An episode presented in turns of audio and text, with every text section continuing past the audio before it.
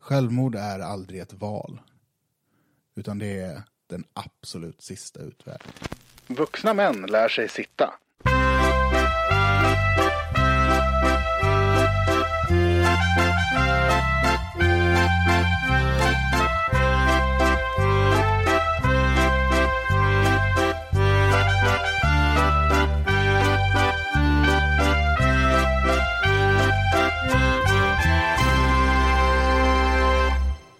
Då säger vi hej och varmt välkommen tillbaka till podcasten Vuxna män lär sig sitta. Precis Gustav så hörde du om intromusiken. Signerad, eh, vem då? Max Gustafsson. Oj, vilken dänga. Ja, Dröm- shout, shout out. Drömmen slog in direkt. Ja. Vi pratade ju om det i första pilotavsnittet, att det vore kul att ha en egen musik. ja, och jag ringde Max och frågade honom, kan vi göra något? Och hela historien kring själva slingan är ju helt otrolig. Ska vi dra den nu direkt? Kör.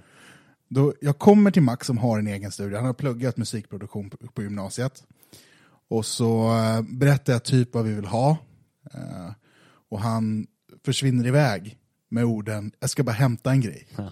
Och jag följer efter. Jag var inte med ska sägas. Nej, det var, det var bara jag och Max. Jag följer efter. Tre, fyra sekunder senare så kommer han ut med ett dragspel och spelar den melodin ni hör i intromusiken. Den som de nyss för en minut sedan hörde Exakt. exakt. drar han ur bakfickan på dragspel. Helt otroligt. Jag kommer aldrig sluta vara imponerad av människor som är duktiga på musikalisk, musik, musikaliska instrument och sånt. Ja, jag gillar den. Tack så jättemycket Max. Ja, stort tack. Eh, som sagt, det här blir det första avsnittet. Eh, vi ska prata om ett ganska, eller ganska, det är ett allvarligt och ett seriöst ämne idag. Vi kommer kunna tramsa emellanåt i den här podden, Ja. men idag ska vi inte tramsa så mycket. Eller? Mitt, mitt förhållningssätt till det hela är ju att tramsa lite. För sig. Och jag har ju lite tolkningsföreträde eftersom det är jag som ska lära dig. Från egna erfarenheter. Idag ska jag luta mig tillbaks. Ja, och jag får vara framåtlutad. Vi ska prata om psykisk ohälsa. Mm. Eh, något som jag har levt med i fyra år. Som jag vet, som är diagnostiserat. Sen vet man inte hur långt det går tillbaka. Men fyra år på pappret i alla fall. Det ska bli jätteintressant, för jag är så pass privilegierad att jag, jag vill tro att jag inte ens har varit i närheten av psykisk ohälsa på det sättet som du och många andra har varit. Det är jag väldigt glad och tacksam för. Så det ska bli väldigt intressant att, att få lyssna till dig, tänker jag. Ja, vad, vad roligt. Eh, men innan vi inleder det här avsnittet så vill jag lyfta ett par saker. Det här är ju ut mot lyssnarna, de som lyssnar nu. Det här är inte så riktat mot dig. Eh, men det är. Om du mår dåligt så finns det massvis med hjälp att få. Och det finns ingen som helst skam i att be om hjälp. Det är liksom sjukt viktigt att komma ihåg. Eh, jag vet att det känns som att dina problem inte räknas för att du har tak över huvudet, pengar i plånboken och mat på bordet. Men allt det är inte en garanti för att må bra psykiskt. Så, mår du dåligt, prata med någon, antingen i din direkta närhet eller inom vården. I beskrivningen av detta avsnittet kommer det finnas flera telefonnummer och länkar som du kan använda. Är du suicid eller har tankar på att skada dig själv, ring 112 direkt. Du kommer bli tagen på allvar. Sen behöver jag lägga in en brasklapp, och det pratade vi lite om precis innan. Mitt sätt att hantera mina trauman är att ha en oerhört avslappnad inställning till det. Eh, det kommer kanske låta som att jag inte tar saker och ting på allvar. Jag kommer att skämta om saker som man kanske inte ska skämta om. Men det får ni helt enkelt tugga i er. Eh, min historia, mina trauman och mitt sätt att hantera det. Men eh, med det sagt så tycker jag att vi inleder med dina fördomar. Vuxna män lär sig sitta. Psykisk ohälsa, eh, om, om vi backar bandet någonstans, jag tror inte vi behöver backa så jäkla många år, eh, fem, sex kanske, eh, en eh, sen, eh, da, David i de sena tonåren, eh, tänkte nog inte speciellt mycket på, på psykisk ohälsa, tänkte att det är eh, man är frisk eller så är man sjuk, det vill säga man har eh, hosta eller snuva eller i värsta fall något allvarligare. Så. Och sen finns det de eh, galningarna som, som är på, på psyket eller på sjukan eller vad man nu kan tänkas vara. Ungefär så.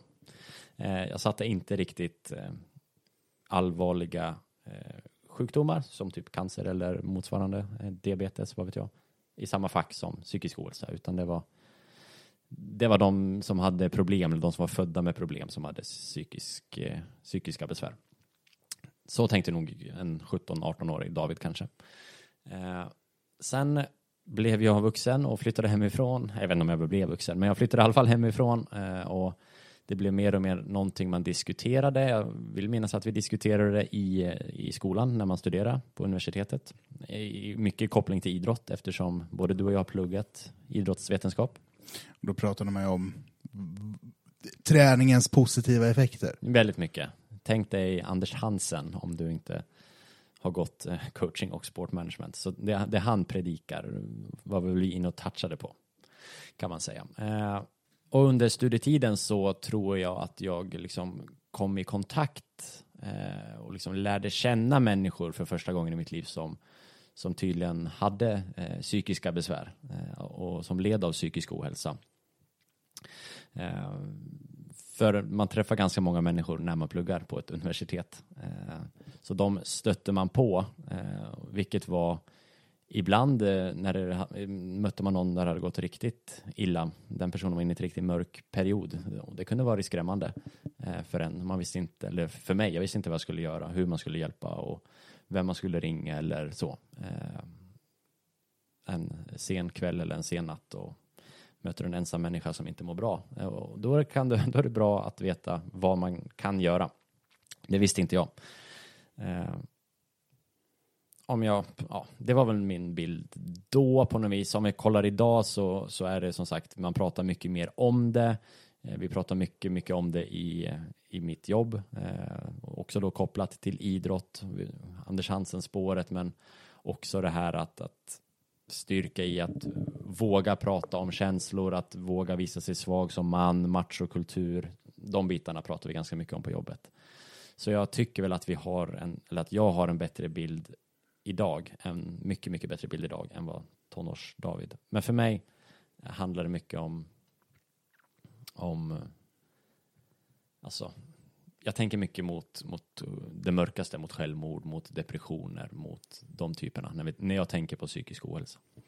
Eh, sen jättekort om din, vad jag tänker om, om din bild. Eh, så, som du sa så kan du vara den som, du alltid, du har alltid varit den glada, gladiga mängen som, som tramsar och flamsar och stökar. Det är så jag lärde känna dig och det var så jag, min bild av dig i många år. Tills du började skriva om det, vilket jag gissar att du kommer in på. Eh, det var egentligen då som mina ögon verkligen öppnades upp om hur illa det ändå var. För du skrev mitt uppe i det. Eh, och det var en ögonöppnare för mig. För att jag skulle säga att du är den närmsta vän. Jag har ju träffat folk, men jag har aldrig haft en som jag skulle kalla för vän som mått riktigt dåligt. Som du ändå mådde. Jag tror jag stannar där. Det var inte kanske så mycket eller har du någon, ska jag förtydliga någonting? Nej, det tycker jag verkligen inte. Eh, vi, jag tycker att vi glider osökt in i vad som händer mig och vad som händer andra. Eh, men ska man göra en tråkig sån där, så här definieras psykisk ohälsa. Det kan vara på sin plats. Jag, jag vill bara säga att vi på jobbet har börjat, tidigare pratade vi mycket psykisk ohälsa. Nu pratar vi istället psykisk hälsa. Precis det jag skulle inleda Du skulle göra det. Då var antingen en snygg segway eller så snodde jag det du skulle säga. För vi pratar mycket, vi tar bort o nu. Det är ingen fara och det är jättebra att ni gör det. Um, för det var precis det jag skulle börja med att säga och det är att väldigt ofta pratar man om psykisk ohälsa istället för att prata om psykisk hälsa. Um, psykisk ohälsa och psykisk hälsa är inte något som är svart eller vitt. Uh, precis som fysisk hälsa och fysisk ohälsa är något som är svart eller vitt så finns allt på ett spektrum. Liksom. Det är jättebra att man har börjat prata om det för då får man upp det i ljuset och man inser att det är fler av samma Eh, med samma problem som går igenom samma saker som du. Och jag tror att när det kommer till sånt här så är erfarenhetsutbyte kanske det absolut viktigaste vi har hela min story med psykisk ohälsa, och jag kommer kalla det det, för det är det folk känner till. Eh, och jag kommer väl fortsätta göda den här monstret som är att vi säger fysisk oh psykisk ohälsa, men jag kommer fortsätta med det för det är folk, det folk känner till. Du hade ju en ohälsa. Det går inte att sticka under stol Nej, med. Att, alltså precis. det var ju o. O fanns ju med där. Ja, I precis, högsta grad. Precis. Men min första riktiga eh, upplevelse tillsammans med psykisk ohälsa var 2016. Ehm, det var först då eh, jag jobbade jättemycket. Jag hade eh, 100% studier. Jag jobbade extra med DFF. Eh, Växjö Väx- DFF. ja, Växjö DFF. Fotbollsförening. Ja, ska sägas. Växjö. Eh, jag tror jag hade tre eller fyra förtroendeuppdrag och eh, ja, men det blev för mycket. Så att jag gick in i väggen. Ehm, stressen blev helt enkelt för mycket och det gav sig uttryck i panikångestattacker. Hur ser en, eller vad, vad händer med dig under en sån? Eh, under en panikångestattack så blir jag i stort sett okontaktbar. Eh, väldigt blank i ögonen. Eh, bröstandning, kan man säga det? Att man andas med bröstet? Ja, andas högt uppe. Ehm, och eh, i vissa fall, om det är riktigt illa, till och med fysiska kramper. Ehm, så. Och det är ju inte helt kul. Nej, det kan man misstänka. Eh, och den som tvingade mig att söka hjälp egentligen, för det var ju fram tills den här punkten så hade jag varit ganska ensam.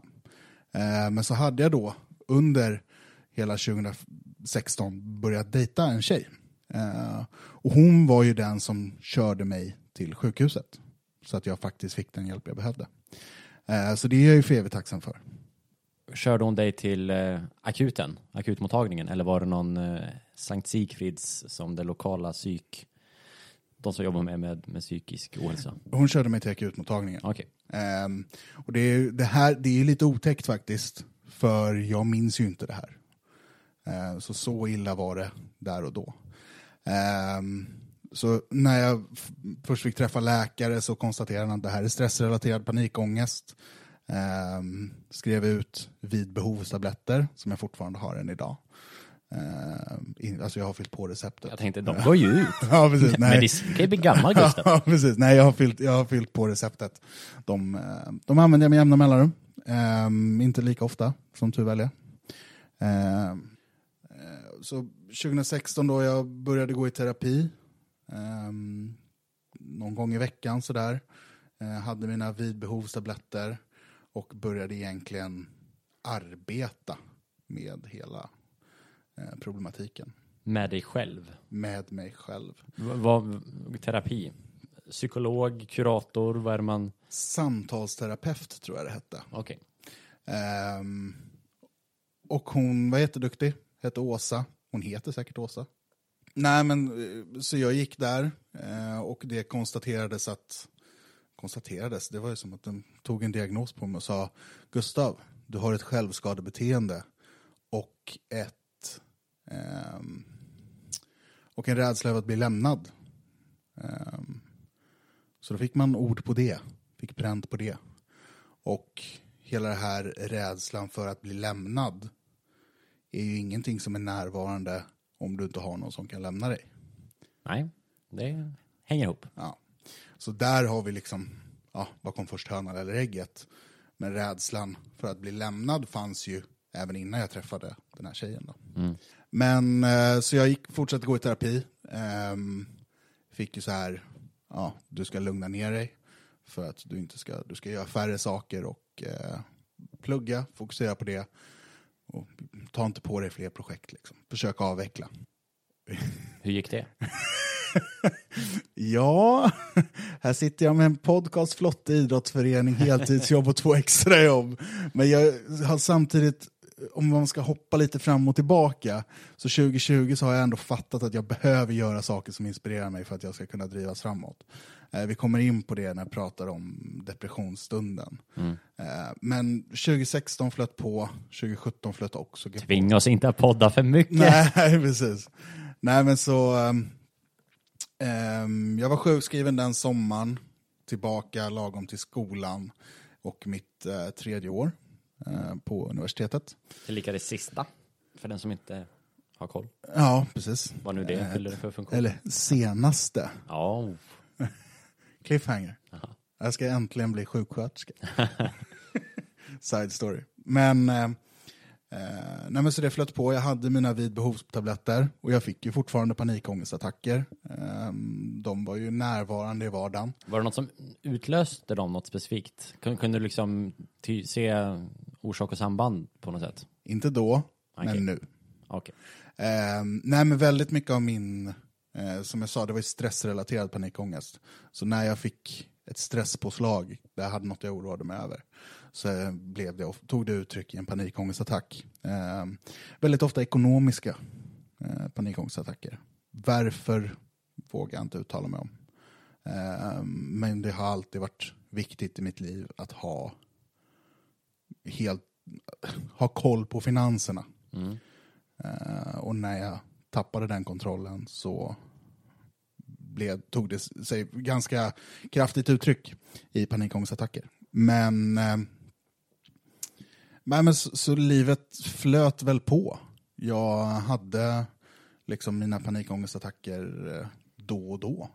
Eh, men något man inte får glömma är ju att under hela den här perioden så levde jag också ett vanligt liv. Under den här perioden, jag kände ju dig då, men jag visste noll om detta. Ja, Men det var inte så många, det var, jag tror inte det var någon som visste någonting. Ehm, det var i stort sett min sambo då vid det tillfället. Eh, och typ min mamma Okej. Mm. som hade koll på vad som pågick. Ehm, och det var inte som att det var något som hängde över min vardag. Utan det var bara något jag levde med och något jag var tvungen att ta itu med vissa nätter. Det var kvällstid, nattid, nattetid. Nästan uteslutande. Okej. Mm. Och varför? Ja, det, det, det lämnar jag till bättre vetande. Åsa. Ja, Åsa får uttala sig om varför det tog sig uttryck just nattetid. Men någonstans är det väl då, om man lever ett stressigt liv, så är det väl någonstans när man ska lägga huvudet på huvudkudden och slå sig till ro. Det är väl då allting kommer ikapp. Ja, ja det, det känner nog många igen. Det, det är till och med jag. Den stora skillnaden för min del var att när jag började fundera på någonting så kunde jag inte sluta. Ehm, man hamnar i en jäkligt tråkig spiral. Ehm, och det tror jag alla känner igen sig i att men när man väl har börjat fundera när man ligger och sover, eller ska ligga och sova, så blir man istället stressad över att man inte somnar och allt man ska göra dagen därefter. Ehm, så jag hade jättestora problem, mycket med sömnen under den perioden. Men sen så hade jag mina vid behovstabletter, men blev nästan lite bakfull av dem. Jag tänkte, v- vad heter de här? Eh, Jag tänker om det är någon annan som lider av psykisk ohälsa. Eh, kanske undrar, men de äter jag också. Ehm, mina heter eh, hydroxin. Mm. Och jag tror även det är den eh, aktiva substansen i den. Jag tror den är döpt direkt efter den eh, aktiva substansen. Ehm, men det finns ju massa olika, Stesolid, Atarax, eh, vanliga. Ja, den känner jag igen. Ja, Sista. men Atarax, ja, Atarax och Stesolid är ju sån här, det är lite som, eh, eh, har du hört någon säga magnesyl Ja, ja, ja. om smärtstillande? Mm. Det är typ det är så gamla Okej. aktiva substanser som väldigt sällan används längre. All right. Eh, för att de är lite beroendeframkallande och hela den biten. Men så det, det tabletterna gjorde med mig i stort sett var ju bara stängde av. Eh, stängde av huvudet så jag fick sova. Eh, det är lite som att, och det är så jävla trött liknelse egentligen. Men det är lite som att ha en rockkonsert i huvudet liksom. Eh, när du ligger och ska försöka sova. Det är inte helt kul. Eh, Nej, man, vill- nej. det bara skriker och du vet inte vad du ska ta dig till. Eh, och så blir du stressad och så jobbar du upp dig i tempo och puls tills du i stort sett håller på att svimma. Eh, hade en episod där jag eh, var så dålig att jag, jag svimmade på riktigt. Alltså jag tuppade av för att jag var så trött. Oj. Eh, för att jag inte fick sova. Så att egentligen så, det funkade ju men det är inte bra att somna av att svimma. Det känns ju som kroppens sista nödväg. Lite så. Lite Och så. den är lite halvjobbig kanske. Ja, nej, den är inte helt bra. Nej, men så hela 2016, 2017 pågick på det sättet egentligen. Ehm, men i slutet av 2017 så blev panikångestattackerna tätare. Ehm, I och med att jag hade tagit examen, eller ja, jag hade slutat studera i alla fall. Ehm, slutat studera, gett mig ut i arbetslivet och hela den biten. Eh, så blev det mer påtagligt med det riktiga livet. Jag vet inte hur man ska säga det på ett bättre sätt. Men all stress med man ska betala räkningar och hela det köret. När man är student så slipper man räkningarna. Nästan så. Ja, men jag förstår. Vad Ja, det blir eh, mer påtagligt. Ehm, så det blev en ganska drastisk vändning kring årsskiftet 2017-2018. Redan där och då så började jag märka att det var något som inte stod rätt till. Ehm, men jag tänkte att det var same old, same old. Att det inte var något annat. Ehm, att det var något annat märktes först i februari när då tidigare nämnda sambo åkte utomlands i tre veckor. Mm. Då märkte jag att det var något annat. För då ehm, blev det en mer lågintensiv ångest som var trött uttryck, men den låg och molade. Ehm, och liksom pockade på min uppmärksamhet hela tiden. Istället för att eh, bara göra det när jag skulle sova. Så, så någonstans så din hjärna kommer säga, hallå, ska du inte tänka lite på det här problemet som kanske kan hända?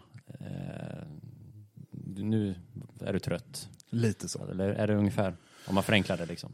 Ja, men det, det sätter, vad ska man säga, det, det sätter en jävligt, det lägger en grå matta över hela livet egentligen. Um, ska försöka beskriva det så målande jag kan, men det är lite som att du behöver inte ha hjärnan som pockar på din uppmärksamhet, för du vet redan att allt är skit. Ehm, Okej. och du kan inte se det ljusa i någonting. Det är problematik hela tiden. Ehm, och du, varje gång du tycker att du reder ut en situation så kommer en ny som gör det hela ännu värre. Ehm, och jag, det är lite som att ehm, du vet när du, nu har ni tvättmaskin i, i lägenheten. Oh ja, Ja, vi med, eller jag med. otroligt. Jätteskönt. Men det fanns en tid i livet då man hade tvättstuga. Mm. Och då ska man ju släpa tvätt mellan lägenhet och tvättstuga. Mm. Och ibland har man inte något att ha tvätten i, utan man får ta den i famnen. Det händer. Inte upplevt det, men Nej. det är kanske andra som har det. Är en ordningsam jävel. Ja. Hade en Ikea-kasse, sån här blå och stor. precis. Ja, Eh, men okej, men om du har en överfull Ikea-kasse, det kan, det kan ju hända. det kan hända. Eh, det hände aldrig dig, för du var alltid... Du Jag tvättar alltid i tid. Ja, precis. Jo, men det kan ha hänt. Nej, men så då är det lite som när du ska samla ihop och gå upp för trapporna till din lägenhet så tappar du en strumpa på vägen. Och så böjer du ner för att plocka upp den strumpan och då tappar du en tröja. Och så böjer du ner för att plocka upp den tröjan. Då tappar du, alltså så du hela tiden byggs på. Du tycker att du löser problem men du gör egentligen inte det. Ehm, och lite så var det för min del. Jag löste ett problem men det blev ett större problem. Och så under de här tre veckorna som hon var utomlands så jag accelererade så långt ner i ett djupt hål så det fanns liksom På ingen bara väg. tre veckor. tre veckor. He- Och då får du ha i åtanke att det här har ju förmodligen legat i bakgrunden och väntat på sin chans. Lite så. Eh, och det är ju inte heller bra att låta något ligga i bakgrunden. Men när livet kommer ikapp, för det gör det, så smäller det hårt. Men i alla fall, sen är det väl lite sådär, händer det bara på tre veckor eller tar jag ett helt sjukdomsband på ett halvår nu och komprimerar det till de tre veckorna. För det blev ju klart mycket värre efter att hon kom hem. Ehm, för då, hon märkte ju, så Det blev inte bättre när hon kom hem. verkligen inte. Du kom inte en hack upp ur gropen. När du så jag pratade om strumporna och Ja. tvätten där. Jag trodde att nu har jag plockat upp det sista. Men då visade det sig att hon kom ju hem till en helt annan vardag än vad hon hade lämnat. Så var det hål i botten på påsen. Ja, då var det helt kört. Ehm, så jag gjorde i stort sett ingenting. Eh, utan jag Jag, jag var tom. Du vet. Inte så här att jag låg och bölade. För så är det inte heller att ha en depression. Ehm, utan en depression är en väldigt lång och låg flatline. Alltså att det händer ingenting. Du blir inte bestört av någonting. Men du blir inte heller glad av någonting. Utan det är som en jättelåg baston som bara surrar. Okej. Mm. Och för min del, att gå från att vara den känslomässiga berg och dalbana som jag är, till att gå till ett intercitytåg som bara tuggar på. Ehm, det blir lite kontraster. Men om jag minns tillbaks till den här tiden eh, så vill jag exempelvis minnas att vi, du och jag och ett gäng kompisar till, arrangerade en, eh, en, eh, en kväll där vi stekte mackor, för det var någonting som vi vi fastnade för podcasten 80 väldigt goda mackor, som jag tror vi nämnde i, i piloten. Eh, de gör ju mackor i podden och vi plockade ut våra fyra favoritmackor därifrån och försökte laga dem. Eh, och sen var vi på stand-up kvällen. Ja. Så, så vi hade en hel kväll och jag tyckte det var supertrevligt och gemytligt och häftigt. Och det var ju hemma hos, hos dig eller hos er. Eh, minns du den? Var det, var det samtidigt? Typ. Mm, ja, ja Um det var väl ändå i december 2017 Var tror det jag. den pre, pre, Pre, pre, utlandsresa? pre-utlandsresa. Okej, För att efter utlandsresan så var det inte mycket kvar. okej. Ehm, Då kan vi klippa bort det där. Nej, men det, är- det är jättebra att ta upp också. Jag tänkte fråga om hur du mådde. Ja, men Var det en precis. fasad? Ja, men precis. Och även om jag kanske inte skulle erkänna det då, och även om jag inte vet det nu, även nu, så kan det mycket väl ha varit en fasad. Det är det som är så svårt att säga. Jag, jag, funderar, jag minns inte exakt vilket humör du var på den Nej. kvällen. Det var rätt länge sedan. Men jag tänkte om du minns. Det var ett, ett tydligt minne från mig. Ja, nej, men det enda jag minns från de här perioderna var att jag var väldigt sliten. Eh, hela tiden. Väldigt trött på att vara stressad över livets alla små problem. Eh, men det är absolut, ja, men sen får man ju inte liksom förringa det, det faktum vad en sån kväll kan göra för humöret. Alltså för att även om det kan låta platt och så här, ja ja, men bara pigga upp honom lite med umgänge, så um, um det är ju fortfarande så att det hjälper ju liksom. Ehm, mer än man tror. Att bara få umgås med sina polare och laga mackor och dricka vin. Mm. Ehm, sen ska man ju inte, det är inte bra att dricka, dricka vin när man är deprimerad, för det blir aldrig bättre. Man kan dricka Sprite. Det Sprite, Spons, Sprite är gott. Gatorade. Nej, men ehm, så, ehm, eh, så det är väl lite också där, okej, var jag sjuk då? Antagligen, jag visste nog bara inte om den. Ehm, men jag kommer ihåg att jag var jäkligt trött och sliten. Och det enda som höll ihop mig var relationen liksom, Mm. eh, som jag hade då. Eh, men om vi spolar framåt i tiden då, till mars när hon kom hem från sin utlandsresa, eh, då var jag ett vrak. Jag var, jag var ett vrak. Jag hade ingen glädje av någonting. Liksom. Jag ville ligga i sängen och vila. Det var typ det jag ville göra. Ehm, Det är inte så kul. Nej, alltså en powernap då och då, det är ju inte fel. Nej. Men att ligga i sängen och bara inte äta någonting, dricka kaffe för att orka och i stort sett bara vara... Nej, jag förstår. Ja, men det, det är svårt, alltså det hade varit bättre om hon var här och kunde berätta, men det är liksom, det är, alltså för mig var det verkligen som natt och dag. Det var ju ingen vardag som hon var van vid överhuvudtaget. Eh, just för att jag var så glad och levnadsglad egentligen hela tiden. Och jag är väl det idag igen hoppas jag. Ja, det tycker jag. Men där och då, ja, det var, det var ingenting. Jag var liksom en deprimerad huskatt. Jag bara var hemma. Mm. Gjorde saker för att jag var tvungen. Ehm, och hela den biten. Eh, och där börjar ju mina tankar på ett självmord ta fart och ta färg. Um, bestämde mig, känsliga lyssnare varnas. Ehm, men det har vi redan gjort. Ja, no, om man inte vill höra på det så får man, ja, vi kan inte, då får man stänga av. Ja. Eh, nej men jag bestämde mig väldigt, väldigt tidigt för mitt tillvägagångssätt. Eh, och det skulle vara hoppa framför tåg. Mm. Eh, för att, och här är också så sjukt, för jag är så jävla praktiskt lagd. jag vill inte hoppa någonstans ifrån, för jag är så jävla höjdrädd. och jag, jag vill inte hänga mig för, fan, har vi någon sån bra krok? Då måste man åka och köpa rep. Ehm, Plugga. ja, men precis. Och jag vill inte dränka mig. För, jag menar, det är ju kallt och tar tid. Ja, ta tid framförallt. Ja, precis.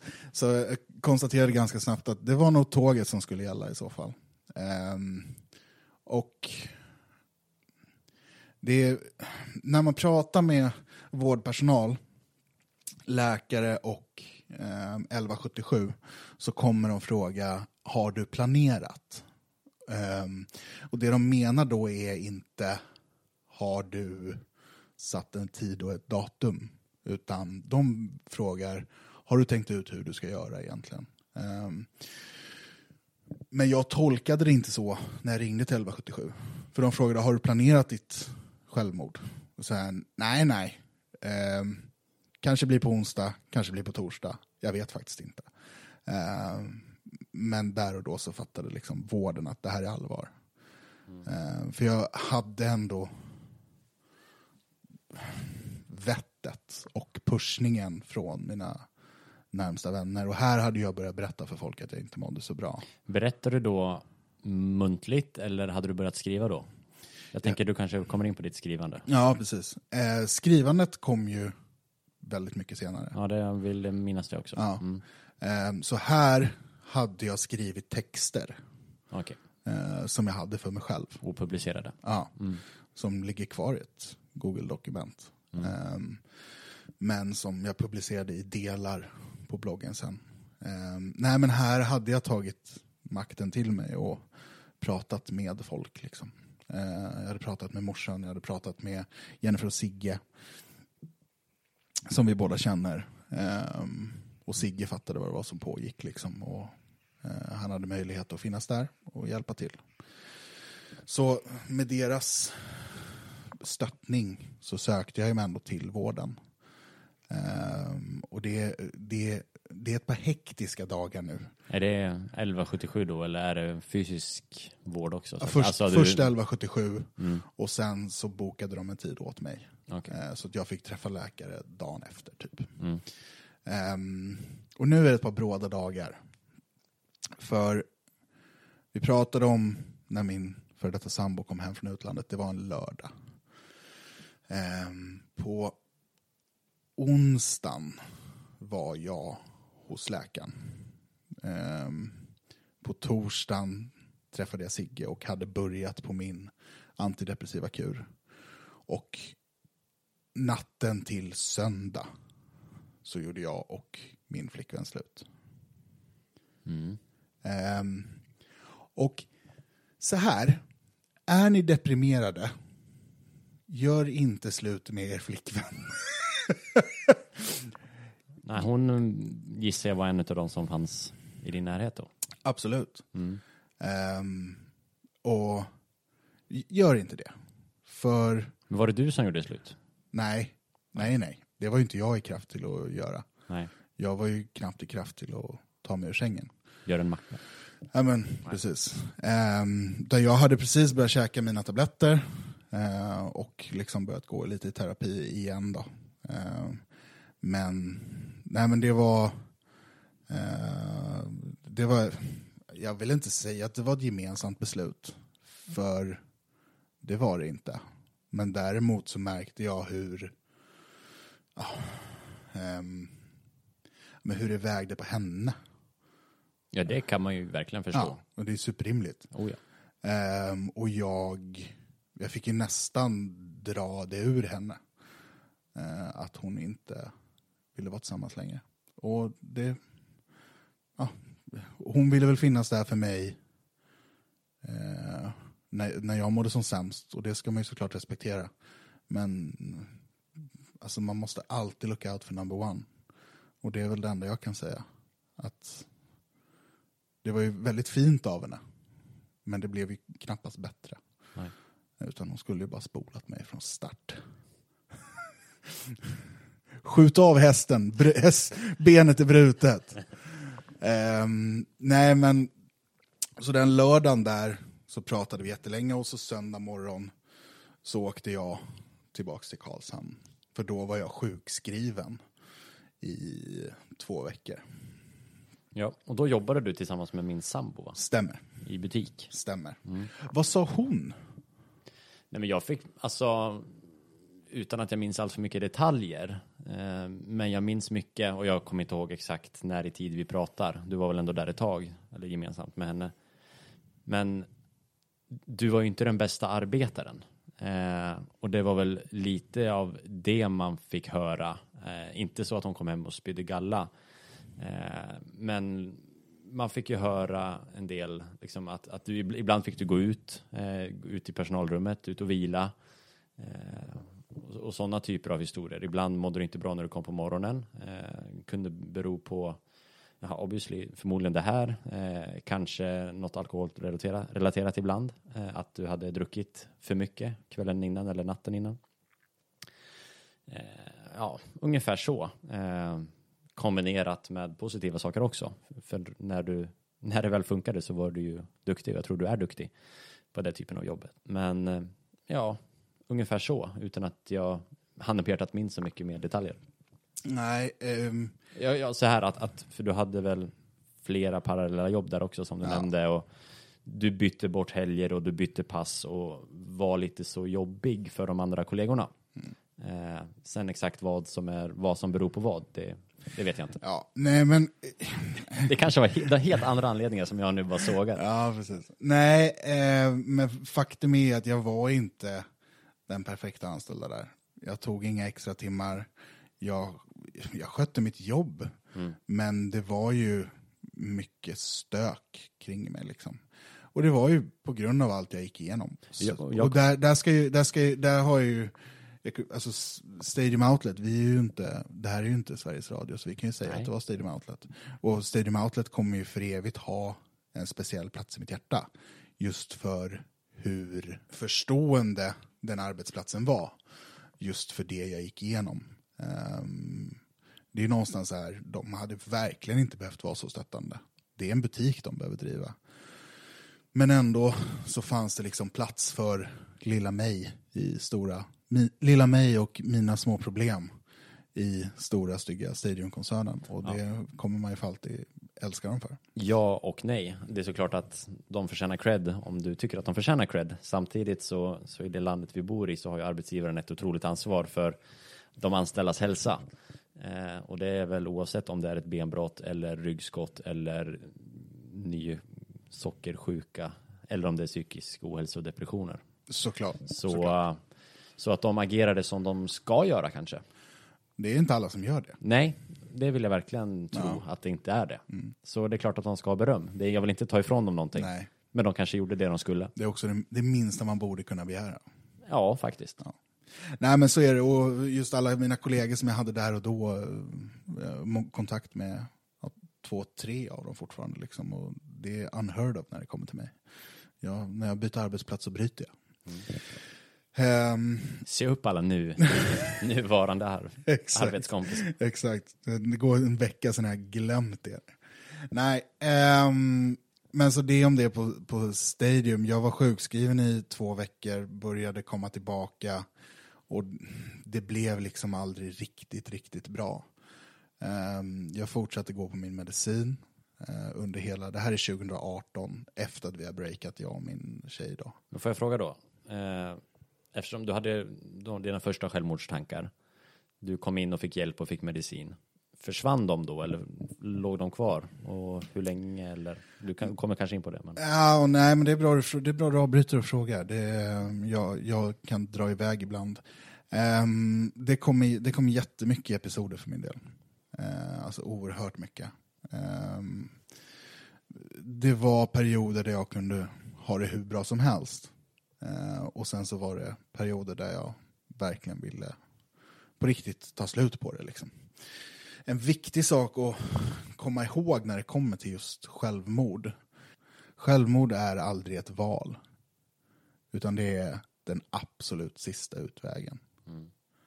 Det är verktyget som människan tar till när liksom allt är förlorat. Alltså när man inte ser någon annan lösning på problemet. Ehm, och det är det sämsta man kan må. Och vara så dålig. Ehm, jag är, alltså så här, kan jag säga att jag är tacksam över att jag inte gjorde det? Ja, det, ja, det är väl klart. Jag lever ju nu liksom och jag är glad nu. Vi, vi andra kan säga det, Ja, men om precis. inte annat. Nej, men Hade inte haft någon flotte då? Nej. det kan bygga med någon annan. Ja. Döp den efter mig. Nej, men um, det är ju... För mig var det aldrig så här... Det var ju alltid påtagligt och alltid aktuellt och akt, alltid nära. Men det var liksom inte... För mig var det aldrig en stor grej, för det var alltid med. Är du med på vad jag menar? Ja, jag förstår vad du menar. Sen tror jag det är väldigt svårt att förstå att det inte kan vara en stor grej. Nej, Med tanke på vad du precis sa innan. Att Ja, det, så precis. känns det som en stor grej. precis. Speciellt utifrån. Och det är nästan som att man bara går och väntar på sitt läge. Ehm, sitt läge att få tillfälle till att göra det. Liksom. Ehm, och som jag sa, jag hade planerat liksom, med tågen där. Eh, att bara hoppa framför ett tåg som körde i full hastighet. Men sen är man ju medmänniska. Så här, men vad fan, då är det ju någon stackars lokförare som får hantera det. Och så skjuter man lite på det och så, jag var väl för feg egentligen. Tur är väl det. Oh ja. Men, eh, men egentligen hela 2018 löpte ju på. Jag gick och jobbade efter min bästa förmåga. Jag gick på min medicin, jag mådde inte kanon av min medicin. Eh, Vilka, vilka bieffekter ger sånt? Det kanske är svårt att generalisera allt. Ja, men det du åt. nej, men eh, om man ska liksom... eh, Antidepressiva, i alla fall den typen jag fick, jag vet inte hur många det fick finns på marknaden. Det finns nog en del, men du får Ja. ju prata utifrån dig. Den, de gör inte så att livet blir kanon. Alltså så. För vi pratar mycket om att livet är en berg och dalbana och hela den biten. Ehm, och det antidepressiva gör är att de höjer lägsta nivån. Men samtidigt sänker de högsta nivån ganska kraftigt också. Så du blir oerhört avtrubbad. Man lever i en ganska smalt spektra. Ja, Det blir små, det händer små berg och dalar. väldigt så. Det är nyckelpigan på Gröna Lund, Om ens det. inte Balder. kanske kön till nyckelpigan är bättre så. Nej men ehm, det, det fluktuerar liksom inte utan det bara pågår. Och det är någonstans så de är utformade. För att om du skulle ta ett antidepressivt som var uppåt så att du blev glad hela tiden.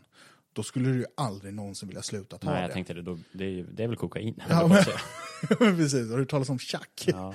Men, eh, nej men så, så livet bara fortsätter någonstans eh, och trumma på. Och som jag nämnde tidigare, alltså det är det värsta jag vet. När livet bara trummar på. Jag vill ju att det ska hända grejer och hitta på grejer och ha olika projekt att vara engagerad i och hela den biten. Men det gjorde det i stort sett omöjligt. För jag blev så trött av medicinen så jag i princip jobbade, sov, jobbade, sov.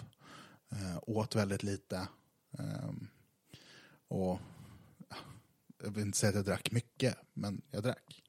Alltså så. För att det var det enda sättet man kunde bli lite lycklig av. Man kunde komma åt lite high. Men då fick man också riska lite low. Ehm, men det var, det var det man fick göra liksom. Öl är mer lättåtkomligt än tjack. Verkligen så. Verkligen så. Nej, men om man tar tre pilsner och hänger med fyra polare så känns man helt plötsligt normal igen. Och det är nog något som jag tror väldigt många eftersöker när de lever med depression och hela den biten. Um, nej men sen så i, kan det vara? Jag tror jag fick en notis om det i eh, Facebook, att det är två år sedan jag delade en bild på Facebook där jag skrev ganska långt och utförligt om hur jag mådde. Det kan nog stämma i tid, ja. Ehm, och fick, som sig bör egentligen, jättemycket kärlek. Och det kan man ju bara hoppas att fler får om fler gör samma sak. Men det var exakt vad jag behövde. Ehm, och någonstans där och då så blev jag, okej, men jag vill fortsätta. Jag vill berätta mer. Jag vill att folk verkligen fattar. Jag hatar egentligen att söka upp någon och säga, du, så här ligger det till med mig. Men om någon aktivt söker upp liksom, ja, min Instagram-profil och vill kolla hur jag mår, ja men kör. Jag har öppen Instagram-profil, så det är bara att gå in och kolla hur jag lever. Ehm, och lite så tänkte jag då när jag startade bloggen. Jag ville berätta liksom, för alla så att ingen skulle behöva ha några funderingar egentligen. Och, och så är det lite ett skyddsnät. Så här att ehm, ja, men man kan, helt plötsligt, man får en annan förståelse av vänner. Att, äh, jag mår inte jättebra hela tiden. Och jag kan behöva ta ett steg tillbaka. Eh, ibland så behöver jag att du hör av dig till mig och erbjuder att komma hit. Och du vet, sådana saker.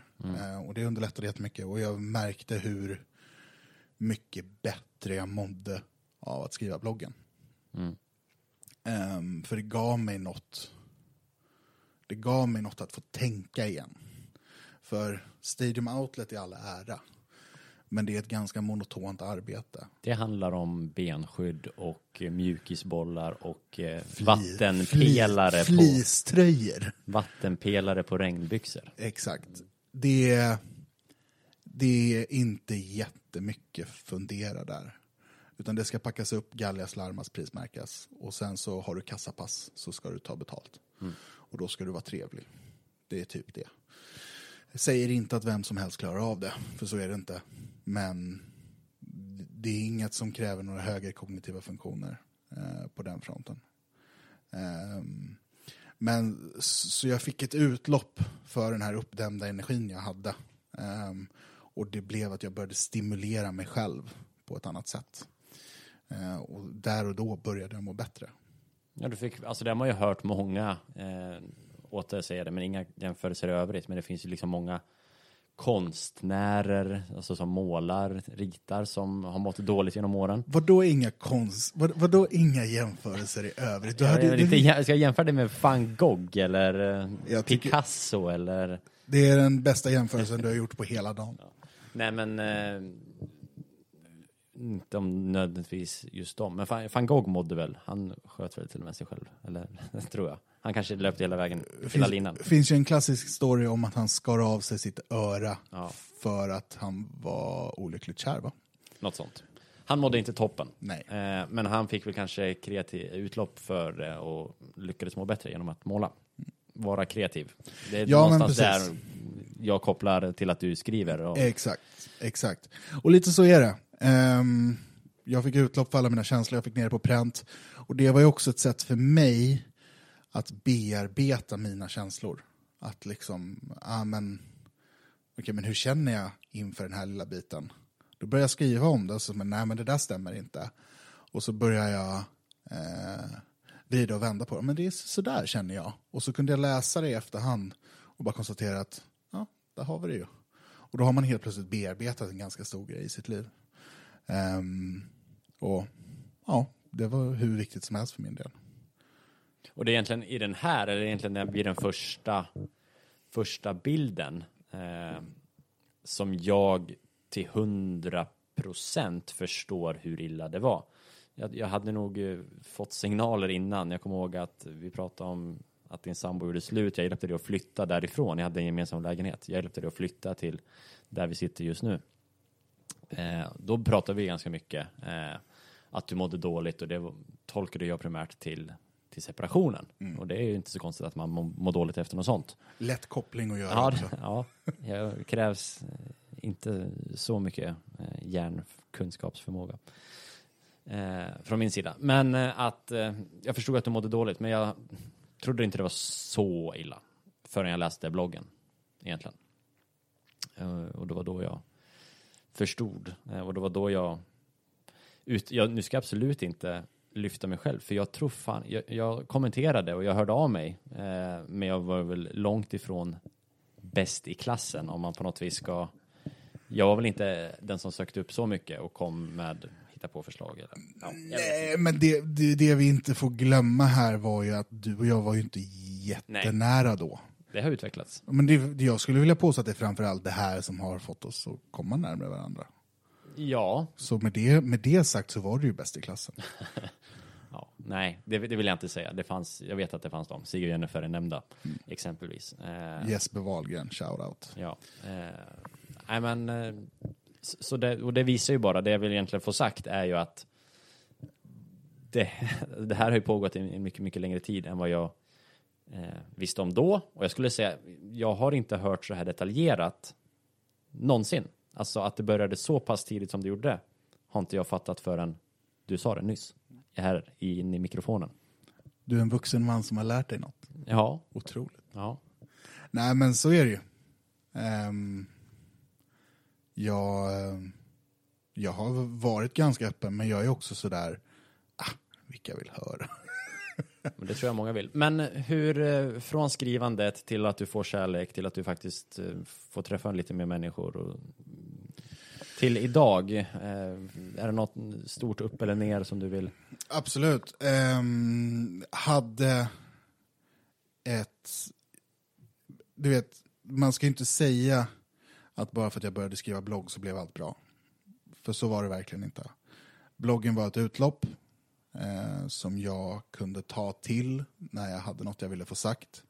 Men ibland så är känslor väldigt, väldigt komplicerade. Så att du får liksom inte utlopp för dem. Ehm, hade en, ett tillfälle specifikt som var eh, det, det är det närmsta jag kommer ett självmord.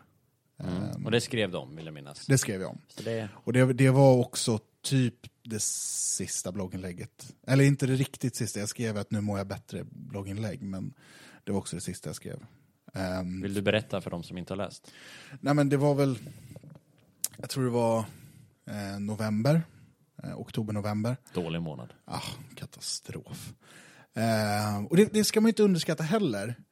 Det en höst, mörk höstmånad kan göra på ett mående. Nej, det är... Alltså, vintersjukan, no joke alltså. Alltså, en parentes, men jag är eh, orolig för, för hur världen nu post-corona, eller mitt i corona, och vi går in i hösten. Alltså, vi, nu har vi klarat av sommaren eh, med allt vad det innebär. Men nu går Europa och den breddgraden in i, i hösten. Alltså fortsätter lockdown i andra länder så tror jag vi kommer se en widespread psykisk ohälsa som vi aldrig har sett förut. Det tror jag också. Alla verksamheter som stängs ner, allt vad det innebär. Sen den gråa, blöta filten nämnde vi tidigare, men om vi Ja. tar väder, november, mörkerfilten. Det är dubblish, Den är inte grå, den är svart. dubblish filtish. Dubbelblöt filt vill man inte ha. Nej, fy fan. Nej, men jag är med det där. Nej, men så då var det... ehm, det var katastrof. Det var verkligen... ehm, det, det var fan inte bra. Jag hade haft en period på någon månad eller så där jag inte hade sett någon förändring i mitt humör. Ehm, det fina med sommaren var att då kunde man ändå få lite glimtar till att nu är jag gladare. Och det kunde komma någon gång om dagen. Men så fort hösten kom så var de som bortblåsta. Ehm, och jag var understimulerad på jobbet. Jag stod och vek fleecetröjor. Och eh, gjorde liksom ingenting. Jag, jag, jag gjorde ingenting. Ehm, Hur såg det ut med andra förtroendeuppdrag nämnde du? Eh, Nej, andra då- extrajobb? nej, Ingenting. Jag hade ju fortfarande, jag har ju fort, hade ju Östers IF. Ja. Ehm, men det var ju inte uh, jättemycket då liksom. Nej. Det var slutet slut. på säsongen, om inte Mm. den var slut. Mm. Kanske också påverkar. Jo men det gjorde det ju. Ehm, så någonstans så... Det bara störtdök. Jag kraschade. Jag eh, tog en promenad. Jag hade med mig telefonen. Eh, jag gick runt Växjösjön. Det här var ju sent oktober. Eh, så det var ju kallt som fan. Stannade vid någon liten avsides eh, vad säger man, dunge av något slag. Ehm, och skrev ner mina tankar ehm, som de var liksom i dess råaste form. Och egentligen tryck på publicera.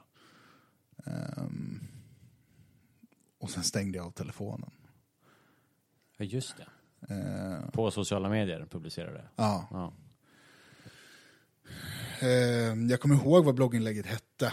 För det var den låten jag spelade. Uh, Hurt med Johnny Cash. Uh, full of broken thoughts I can't repair. Det är ju jävligt klyschigt att säga, men det var ju en bra titel på det blogginlägget. Uh, och där... Jag var väldigt, väldigt nära, men jag tror att räddningen kom i att... För att stänga av telefonen för min del, det var inte ehm, ett sätt att skrämma upp folk. Det tror jag, det, den diskussionen är viktig att göra. Utan det var bara, jag pallar inte med bruset. Ehm, jag, jag vill inte höra mer. Jag vill ha lugn och ro liksom. Ehm, så jag stängde av telefonen Uh, och gick hem och tog en whisky. Jag var ledig dagen efter. Ehm, och, och det var egentligen det, trodde jag. Eh, sen kommer Jennifer och Sigge och kasta sten på mitt fönster. Just. Eh, de var lite halvoroade, med all rätt. Eh, och då visade det sig att det var min mamma som hade ringt. Här kommer jag ihåg att jag, jag pratade också i telefon med Jennifer och Sigge Ja, vid den här, innan de går hit. ja, Jag, eller jag, jag tror jag har, det kanske jag skulle kunna leta upp, men liksom en chatt. Så här, har, får ni tag på honom? Nej. Eh, vi går dit nu, typ. Eh, och jag, om det nu var i chatt eller när vi pratade, det minns jag inte. Men att vi, på något vis här, vad ska vi förvänta oss när vi kommer dit? Eh, alltså, man, man, det var ju det värsta. Ja. Man, man på något vis, man vill inte ta det i mun. Eh, i, när jag och Sigge pratade, eller om det var jag och Jennifer Nej. eller vem det var. Men det var på något, det, det var uppe på tapeten i högsta grad. Gud ja. Och det här är det första jag hör om det. Mm. Att ni har har pratat om det. Jo, men det, det har jag ett tydligt minne av. Mm. Jag tror jag kan hitta konversation på det också faktiskt. Eh, men eh, det är inte så konstigt att det var uppe på tapeten. Nej, ditt blogginlägg eh, skickade ju tankarna ditåt. Ja. Ganska tydligt. Och framförallt så var det ju oerhört mycket på tapeten för min egen del. Mm. Det var det var hyperaktuellt. Eh, och jag kan inte svara på vad det var som satte igång hela den biten. Det, det kan inte jag svara på. Men Men kan du svara på, för du gick ju, för den som, jag vill ju tro att vi har lyssnare runt hela Ja. Sverige här. ja, Växjösjön är ju en central sjö, drygt fem kilometer runt. Eh, och du bor relativt nära, någon kilometer ifrån. Kanske, en och en halv. jag var väldigt nära. Ja, okej, kanske mindre. Skitsamma. Ja. Varför gick du hem? Jag är såklart jätteglad att du gjorde det. Men när det var som mörkast nere vid sjön så är tåget så att säga åt andra hållet. Vad var det som fick dig att ändå gå hem? Kan man säga det? Ja. Kan du säga det? Ja, det kan jag absolut säga. Och det är ju eh, också sådär superklyschigt svar. Men jag kunde inte göra det mot mina, min familj och mina vänner. Eh, Och jag behandlade det i bloggen. Är det att tro för mycket om sig själv? Men jag, jag kunde inte göra det mot dem. Jag, eh, alltså så här, oavsett hur, ja, men om jag inte ville leva för min egen skull så skulle jag göra det för någon annans skull. Ehm, kanske inte rätt, men det höll mig vid liv. Jätterätt Frank. Ja. Jätterätt. Ja, nej men det höll mig vid liv och det är ju det enda som betyder något egentligen. Mm. Eh, idag lever jag mycket mer för mig själv, men, men och det spiller ju över på mina vänner och min familj. Eh, men då var det, det var, jag kunde inte göra det mot min, mina vänner och min, min familj. Jag kunde inte göra det mot den personen som skulle bli tvungen att hitta mig. Jag kunde inte göra det mot den ambulanspersonal som skulle behöva pussla ihop mig. Jag kunde inte göra det mot den person som skulle bli tvungen att identifiera mig. Jag, jag kunde inte göra det. Jag, mm, jag hade inte hjärta, eller vad man ska säga. Jag, Du hade hjärta jag hade kanske? hjärta. Du hade hjärta? Jag hade hjärta kanske. Nej, jag, jag kunde inte göra det mot dem. Ehm, hade jag varit helt ensam, och det vet jag, det vet jag ehm, mycket tidigare. Alltså att hade jag varit helt ensam så hade det redan varit över. Liksom. Det är jag helt övertygad om. Men det är ju, man har fina vänner och familj som man inte vill såra mer än nödvändigt. Och det, det här visar ju någonstans att det är så otroligt lätt för mig att säga, sitta utifrån och göra en jätte, jättelätt analys. Men, Men jag faktum, tycker att du ska göra det. faktumet, jag, jag försöker lära mig här, men faktumet att du eh, berättade i början i små steg för din mamma och kanske för någon allra närmsta vännerna eh, för att senare öppna upp ännu mer. Det är ju det som räddade ditt liv. Absolut. Absolut. Eh, för att de, om de hade trott att ja, men det, är, det är den vanliga Gustav eller den vanliga ja, Frank som jag kallar dig. För den som inte har förstått det så det är samma person. Eh, då kanske man inte har den dagliga kontakten med sin familj eller med sina vänner utan ja, men han, han jobbar på det. Alltså, Han hör väl av sig om det går ja, dåligt. precis. Eh, det tror jag är väldigt vanligt. Eh, så hade du inte berättat så, ja, gud förbjude tanken. Mm. Men, eh, så här, eh, de som känner mig också vet ju att jag sannerligen inte är religiös. Men är det något som kan få mig att bli religiös så är det mitt agerande den kvällen. Ehm, för det var, alltså jag vet inte vad det var som, det var ju den känslan att jag inte kan göra det mot min familj och vänner. Men det måste ju varit något slags divine intervention. Nå skit var det i alla fall. Det, det var kanske, okej, nu tramsar jag, får klippa bort det om vi vill. Om det är för tramsigt när det är som mest seriöst. Så är ju, jo men så är ju livet. livet är tramsigt när det är som mest seriöst. Vi sa ju det. Ja, jag, jag tänkte att, att, du, att det var Gud som pratade till dig där. Eh, och sen krävde han återbetalning här bara för ett halvår sedan när han i princip tvingade dig att köpa ett kapell. Du var så jävla nära för att köpa ett, ett kapell i Ny, Emmaboda, Nybro. Vad var det? Nybro, Målerås. ja, det, var, det var mitt sätt att betala tillbaka. Ja, det var, nej, det var Guds, Guds sätt att kräva tillbaks någonting. Så var det. det var, inte, Så det var var han som styrde dig där. Just det. Men han, och han var egentligen, han bara testade mig. Eh, vi utgår från att Gud är en man. Ja, Ja, skägg och så vidare. ja visst. Tecknade Bibeln. Mm. Han bara utgick, eller ehm, han bara hotade med, han testade mig att jag skulle köpa ett kapell. Ja. Han ville, han ville, kommer han göra det? Jag var nära att göra det, men han bara, men jag kan inte sätta honom i den situationen. Så blev det så. Nej men, Förlåt för trams. nej, men man måste kunna tramsa. Ja. Det, ehm, det, det är viktigt. Det är jätteviktigt att kunna tramsa. Nej men, eh, och egentligen efter den kvällen så kom det bara vändpunkt på vändpunkt. Eh, jag Till det positiva. Ja, absolut. Ehm, jag lever ett helt annat liv då. Nu. Ja, nu än vad jag gör idag. Liksom. Ehm, för jag, där vid årsskiftet så bytte jag jobb. Ett jobb som jag har fortfarande idag, som jag trivs oerhört bra med. Ett jobb som utmanar mig intellektuellt och eh, på hela den biten. Ehm, jag har tack vare bloggen fått ytterligare ett extra jobb. Um, vilket är jäkligt roligt. Um, jag kan ju inte sitta här och säga, säga att livet är kanon. För jag menar, jag lever ju ett vanligt liv. Och ett vanligt liv är inte kanon alla gånger. Men min psykiska hälsa är mycket bättre. Ja, jag blir så glad Ja, jag när med. du säger det. Ja. Äter du någonting idag? Nej, Du har kvar dina nödraketer? jag har kvar mina nödraketer. Jag har också kvar mina antidepressiva. De är så långverkande. Det räcker inte att ta en. Nej. Och när jag kom, jag kommer ihåg det, fan, jag kommer nästan ihåg som det var igår alltså.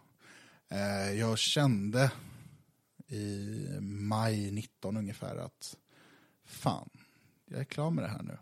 Jag, jag vill inte göra det här mer nu, jag är, jag är färdig. Så jag bokade en läkartid.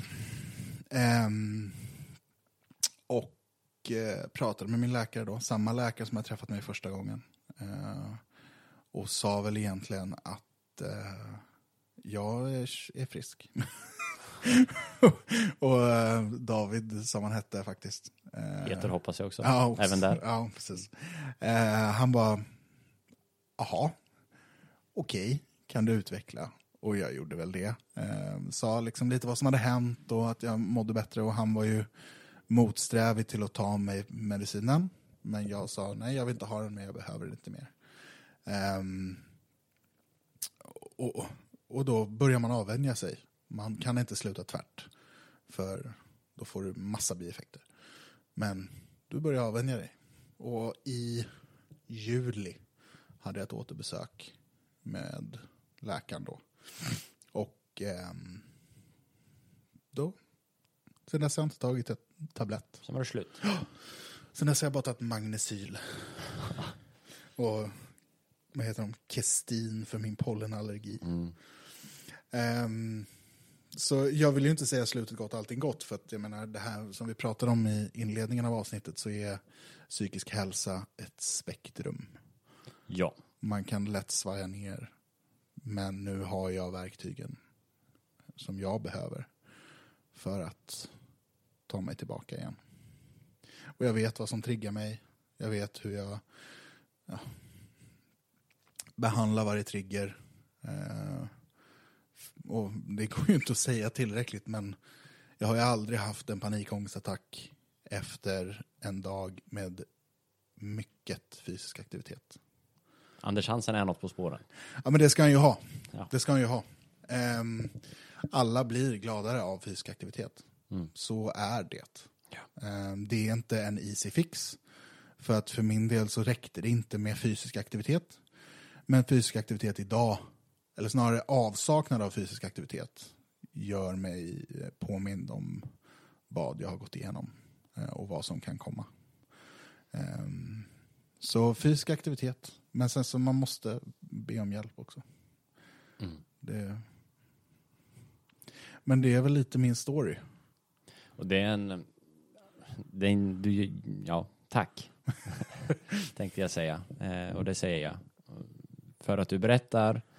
Eh, jag, jag, jag, tänkte så här, när jag kom in till det här, jag ville ha det dramatiskt, det storslaget. Det är ändå, det är skillnad på det här och när vi kommer prata om trekvartistas. Eh, så det här, jag har haft stora förhoppningar. Menar du att trekvartistat betyder mindre för dig än vad psykisk ohälsa betyder för mig?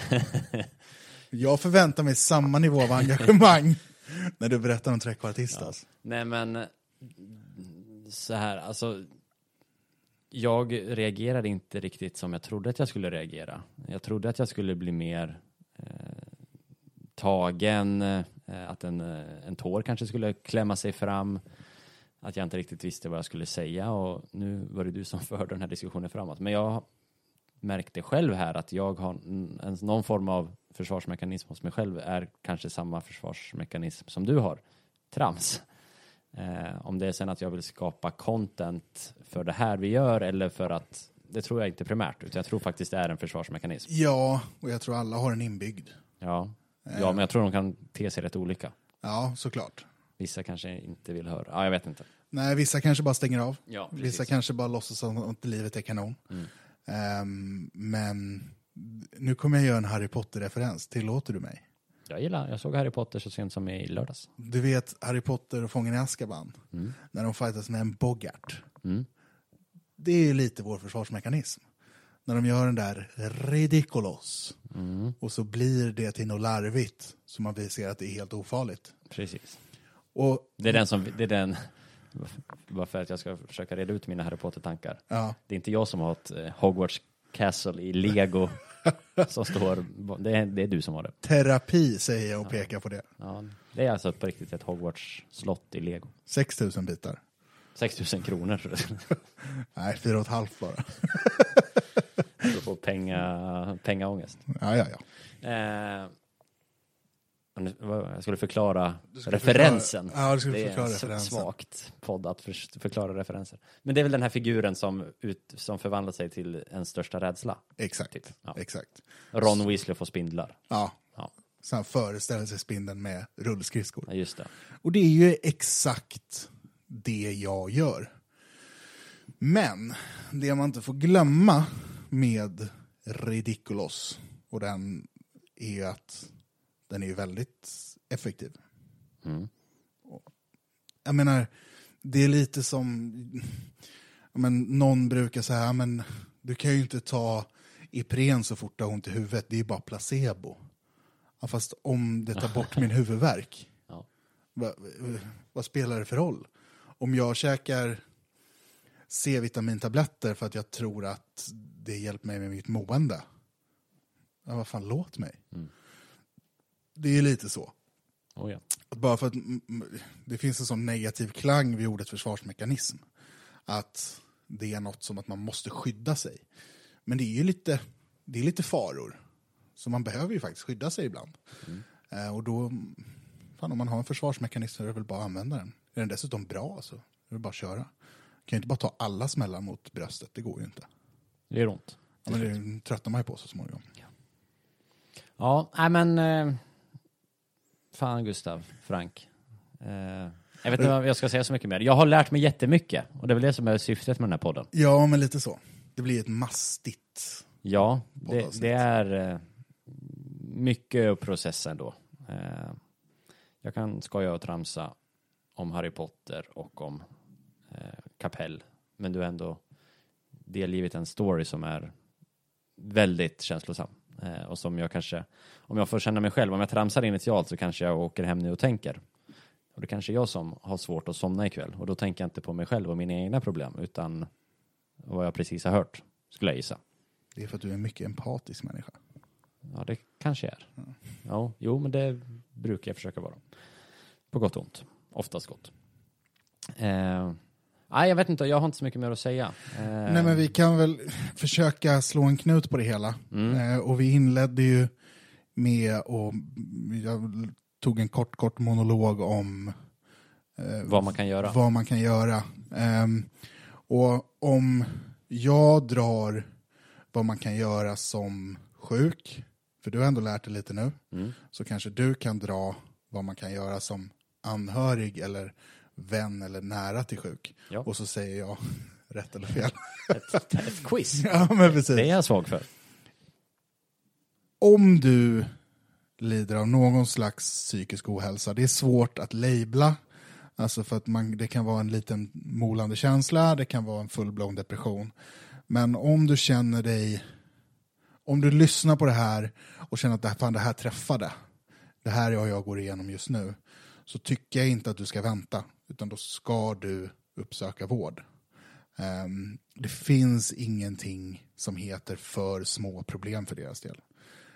Um, vården, man hör så mycket skräckhistorier, men de, de kommer ta dig på allvar. Alltså så är det. Uh, det.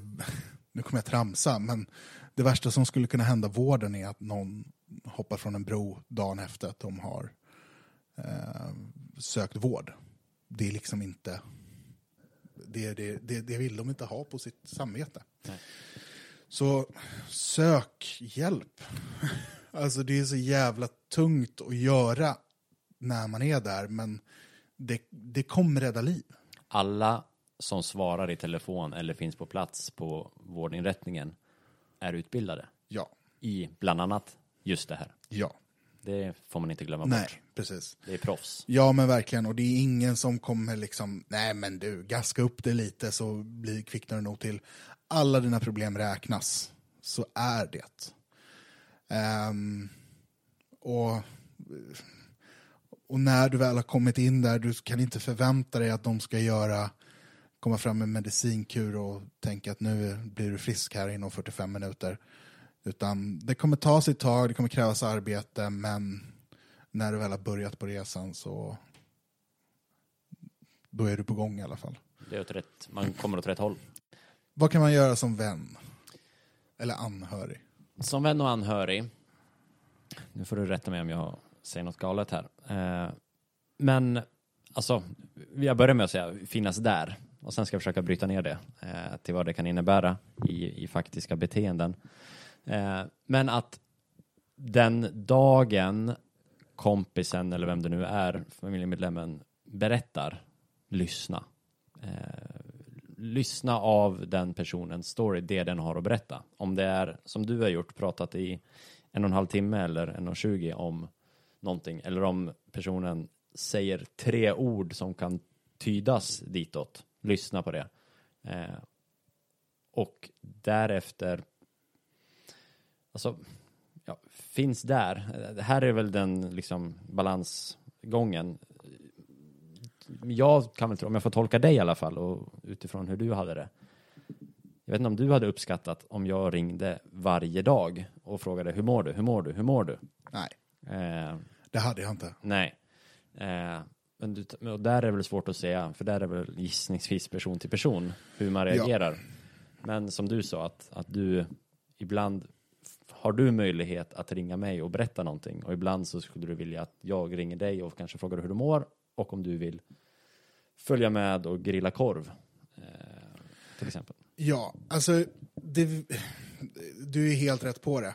För det enda man kan göra som anhörig är att finnas där. Och inte döma på något sätt. Och inte få det att handla om dig själv. Nej. Det är det absolut viktigaste. Ehm, att förstå att den här personen går igenom något oberoende av dig. Det handlar liksom inte om dig, utan det handlar om den här personen och hans eller hennes demoner.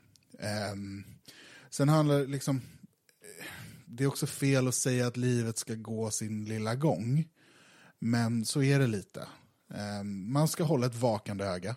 Så att man liksom håller lite koll så inte personen sjunker ner för mycket eller försvinner iväg för mycket. Eh, håll den på ett koppel, men inte för lång, för, för tight, liksom, för då kommer den slita sig. Det är här eh, som, Ja, men som lite så. kan eh, Lite så. röra lite på sig. Och framförallt ha förståelse för när personen säger jag orkar inte. För det, det, det tror jag var en av de största utmaningarna jag hade. Man, alla de vänner som jag, som, som jag omringar mig med idag är sådana vänner som förstod. Jag gjorde en ganska stor gallring av mina vänner. Um, så de som försvann var de som inte riktigt fattade att nu behöver jag lite space, jag behöver det för mig själv. Liksom. Men, uh, uh, men bara finnas där, tillåta utrymme och låt det vara. Liksom. Jag tänker så här att som anhörig tror jag att det finns ganska mycket hjälp att få också Absolut, för just de här typen av frågorna. Eller absolut, typer av frågor. absolut. Eh, det kanske ligger lite i avsnittsbeskrivningen här inunder i där du lyssnar på din podd. Eh, men det borde inte vara en alltför svår googling bort om inte annat. Eh, depression, anhörig, hjälp kanske. Ja, ja. Eh, eller psykisk ohälsa. Det, Det finns jättemycket hjälp att få. Så, och det, för det skulle jag kunna känna. Hade jag tidigare fått veta hur du mådde, eh, eller låt säga att jag var den här 17-åringen som jag pratade om i början eh, och skulle ha en jämnårig eller en kompis, då skulle nog inte jag ha en jäkla aning om. Eh, hade jag då vetat att du kan googla och få hjälp den vägen så hade jag nog tagit den. Eh, så så det, ja, det finns hjälp att få även som anhörig. Ja, verkligen. Och, det är väl bara, alltså, och sen så handlar det väl om att man ska identifiera. Det är väl det som är det svåra egentligen. Men om ni har någon kompis som egentligen utan anledning av ställer in, du vet. Men allting som gör att man blir fundersam, undersök. Ehm, för det kan vara mörkare än ni tror. Liksom. Sen kan det också vara ingenting. Det kan vara att den här personen faktiskt inte tycker om dig. Det kan, det kan också vara därför den ställer in Ja. hux flux. Den kanske inte tycker om dig och din jävla katt eller något. Men, men till dig som lyssnar på det här och som har funderingar på om du kanske mår keft så kontakta vården. Du får den hjälp du behöver. Liksom. Det är jätteviktigt att ha i åtanke. Om man vill läsa det du skrev i bloggen, finns den kvar? Den ligger opublicerad. Jag tror man bara måste ha länken. Okej. Vill du? Jag kan dela länken. Vi Mm. lägger den i Då beskrivningen. kan, ja, Och där, då får man ju tänka. Man får gå in där. Det är inget av det som står där som är nytt. nej, datumet borde stå Ja. någonstans. Eh, Titta och på det. Börja med första avsnittet och ta det därifrån. Underifrån. Ja, det ligger ju inte... Jag skrev ju det som det var liksom. Ja. Ja men, eh, vad bra. Då är det dags att kanske lägga, lägga på. Jag tror faktiskt det. Eh, har ni som eh, lyssnar frågor, funderingar, eh, förtydliga någonting kanske, hör av er till, eh, till mig och Gustav och primärt till Gustav. Såklart. Eh, vi finns på sociala medier. Eh, jag heter David Faxa, David eh, F-A-X-A på både Twitter och Instagram. Men jag är inte så duktig på, på det här ämnet, även om jag har lärt mig ganska mycket nu. Men till dig Gustav. Och jag är ju inte heller någon expert på ämnet. Jag har bara massa erfarenhet från det. Men det kanske är gött att bolla med någon. Eh, Jag heter i alla fall Gustav Thiel på Instagram och Gustav Thiel 1 på Twitter. Och sen heter jag Gustav Thiel om man vill leta upp mig på Facebook också. Det, man får välja lite Jag tror du skulle säga hit- hitta.se. Ja, det med. Där heter jag Gustav Jansson till. Lagt till det. Du hör ju själv. Ja men vad bra. Eh, och annars så, så tar vi gärna emot komplimanger. Självklart. Och vi ska ju säga, eh, nu när det här avsnittet börjar gå mot sitt slut, nu kommer ni få vänta ett tag på nästa. Ja, vi tänker eh, en, ett avsnitt i månaden. Eh, det förra avsnittet var pilot. Eh, vi testade. Det här är avsnitt ett. Så nästa kommer om en månad, är tanken. Ja, Eh, för att vi ska ta det i en takt vi, vi bägge behärskar och så vi kan tycka det här är kul. Och som vi konstaterade, vi har jättemycket på vår tallrik. Ja. Men vi har också jättemycket avsnitt i vår pipeline. Gud ja. Eh, har ni ämnen ni funderar på, fan det här borde ni prata om, hör av er så ska vi se vad vi kan göra. Men om inte annat så hörs vi nästa månad. Ja. Bra, tack och hej. Hej då! upon my liar's chair, full of broken thoughts I cannot repair. Beneath the stains of time, the feelings disappear. You are someone else